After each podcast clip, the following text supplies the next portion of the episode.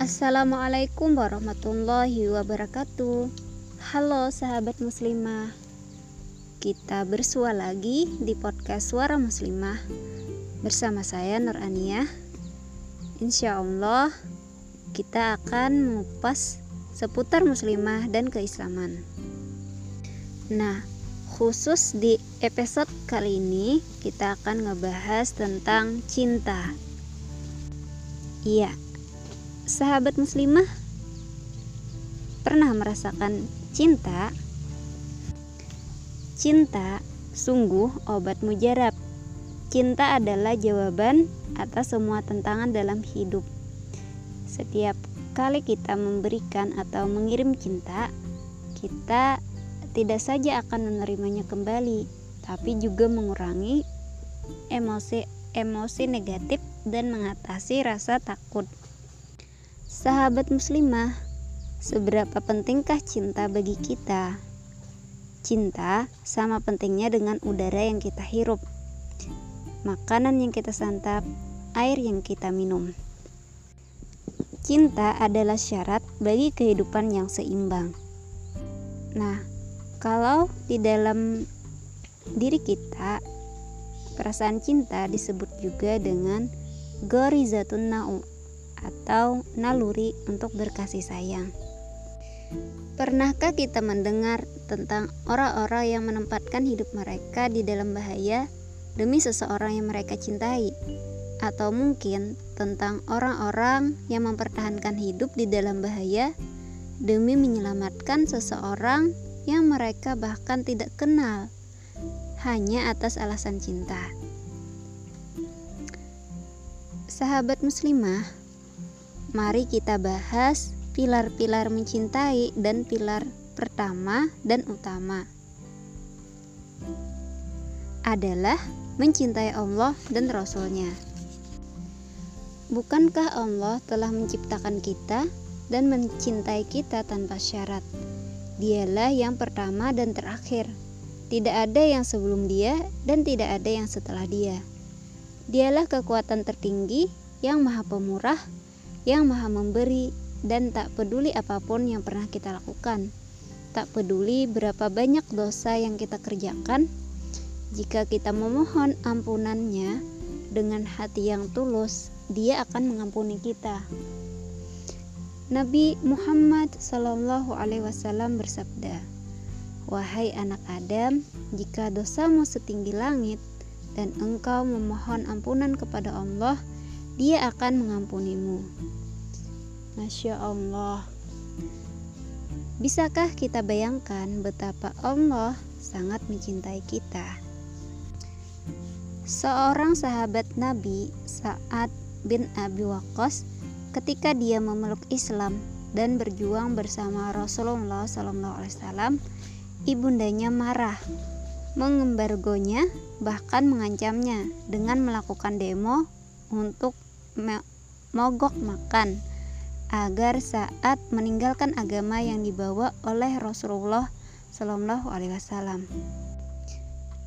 Apa yang dikatakan saat kepada bundanya? Wahai bunda, Andai kata bunda punya seratus nyawa dan setiap nyawa keluar satu persatu, sungguh aku tidak akan tinggalkan din agama ini. Kemudian peristiwa ini disampaikan kepada Rasulullah SAW dan beliau mengatakan, tidak ada ketaatan kepada makhluk apabila diajak dalam kemaksiatan kepada Allah. Kemudian saat meminta kepada Rasulullah SAW untuk didoakan agar ibunya masuk Islam.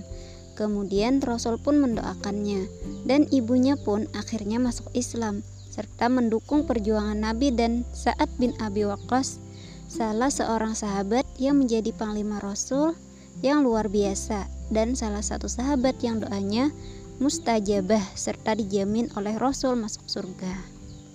Masya Allah. Sahabat muslimah, kalau kita mau gunakan akal pikiran kita dengan sehat dan jernih, maka sungguh tidak pantas kita sombong kepada Allah dan tidak taat kepada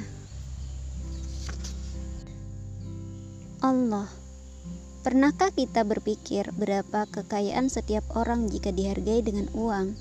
Berapakah harga tubuh manusia jika diuangkan? Berapa harga mata, hidung, telinga, mulut, otak, kepala, lidah, tangan, kaki, dan apa saja menjadi bagian dari tubuh manusia jika dirupiahkan? Saat mata kita sehat, kita tak pernah berpikir betapa berharganya mata kita Coba saja jika suatu ketika mata Anda karena satu sebab kecelakaan tertentu menjadi buta. Kebetulan Anda memiliki tabungan miliaran rupiah. Apa yang Anda lakukan? Anda pasti akan membayar berapa miliar pun untuk mengembalikan penglihatan Anda. Tak peduli jika untuk itu tabungan Anda terkuras nyaris habis. Saat tangan dan kaki kita sehat dan normal, kita pun mungkin jarang berpikir betapa bernilainya kedua anggota tubuh kita itu. Namun, pernahkah Anda membayangkan andai suatu saat karena satu sebab musibah tertentu, tangan atau kaki Anda itu harus diamputasi? Pasti, jika kebetulan Anda orang kaya, Anda akan sanggup mengeluarkan ratusan juta atau bahkan miliaran rupiah asal tangan dan kaki Anda tidak diamputasi dan kembali sehat serta normal seperti sedia kala. Bagaimana pula jika satu sebab bencana tertentu, misalnya wajah Anda yang ganteng, cantik, tiba-tiba harus menerima kenyataan rusak parah tak berbentuk akibat terbakar hebat atau terkena air keras. Pasti Anda pun dengan ikhlas dan rela akan melepaskan harta apa saja yang Anda miliki asal wajah Anda bisa kembali ganteng atau cantik seperti sedia kala. Nah, sudah banyak terbukti ya, orang-orang yang berpunya sanggup mengorbankan hartanya sebanyak apa pun demi mengembalikan kesehatannya, demi sembuh dari penyakit jantung, kanker, kelumpuhan, kecacatan, dan lain-lain. Bahkan demi mengembalikan agar kulitnya menjadi kencang atau agar keriput di wajahnya bisa hilang pakai skincare. Banyak orang rela merogoh sangkunya dalam-dalam. Jika sudah demikian, semestinya kita sadar betapa kayanya setiap diri kita. Jika secara materi kita bukan orang berpunya, bukankah kita akan tetap mempertahankan mata atau hidung kita meski ada orang mau menawar dan membelinya seharga ratusan juta rupiah? Bukankah kita tak akan rela melepas jantung atau paru-paru kita walau ada orang berani menawarnya seharga semiliar rupiah? Bukankah kita tak akan sudi kehilangan tangan atau kaki kita meski untuk itu kita mendapatkan kompensasi harta yang melimpah ruah? Bukankah kita pun tak akan pernah rela menyewakan nafas kita barang 5 atau 10 menit meski harga sewanya jutaan rupiah? Sebab kita amat paham, tidak bernapas 5 atau 10 menit berisiko menjadikan kita mati lemas. Nah, sahabat muslimah, itu tadi semua Allah berikan kepada kita secara cuma-cuma alias gratis. Oke, nah, mestinya kita semakin menjadi lebih dekat kepada Allah. Oh iya, ada beberapa tips untuk membantu kita agar bisa lebih dekat kepada Allah Subhanahu taala.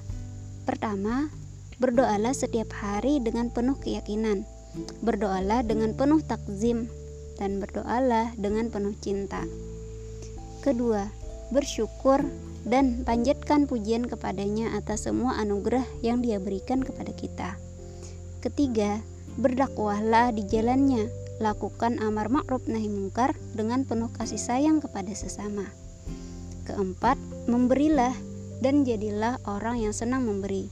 Berlaku baik dan ramahlah kepada semua orang yang kita kenal dan kepada siapa pun yang kita temui.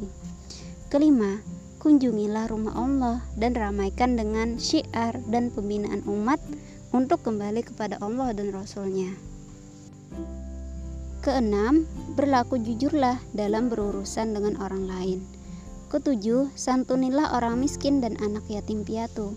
Kedelapan, buanglah kebiasaan negatif dan merusak.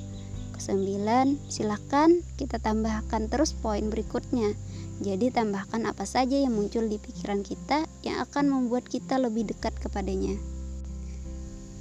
Semoga kita semua menjadi hamba Allah Subhanahu wa taala yang senantiasa mencintai Allah dan Rasulnya dan yang selalu bersyukur setiap waktu atas segala karunia-Nya yang luar biasa itu.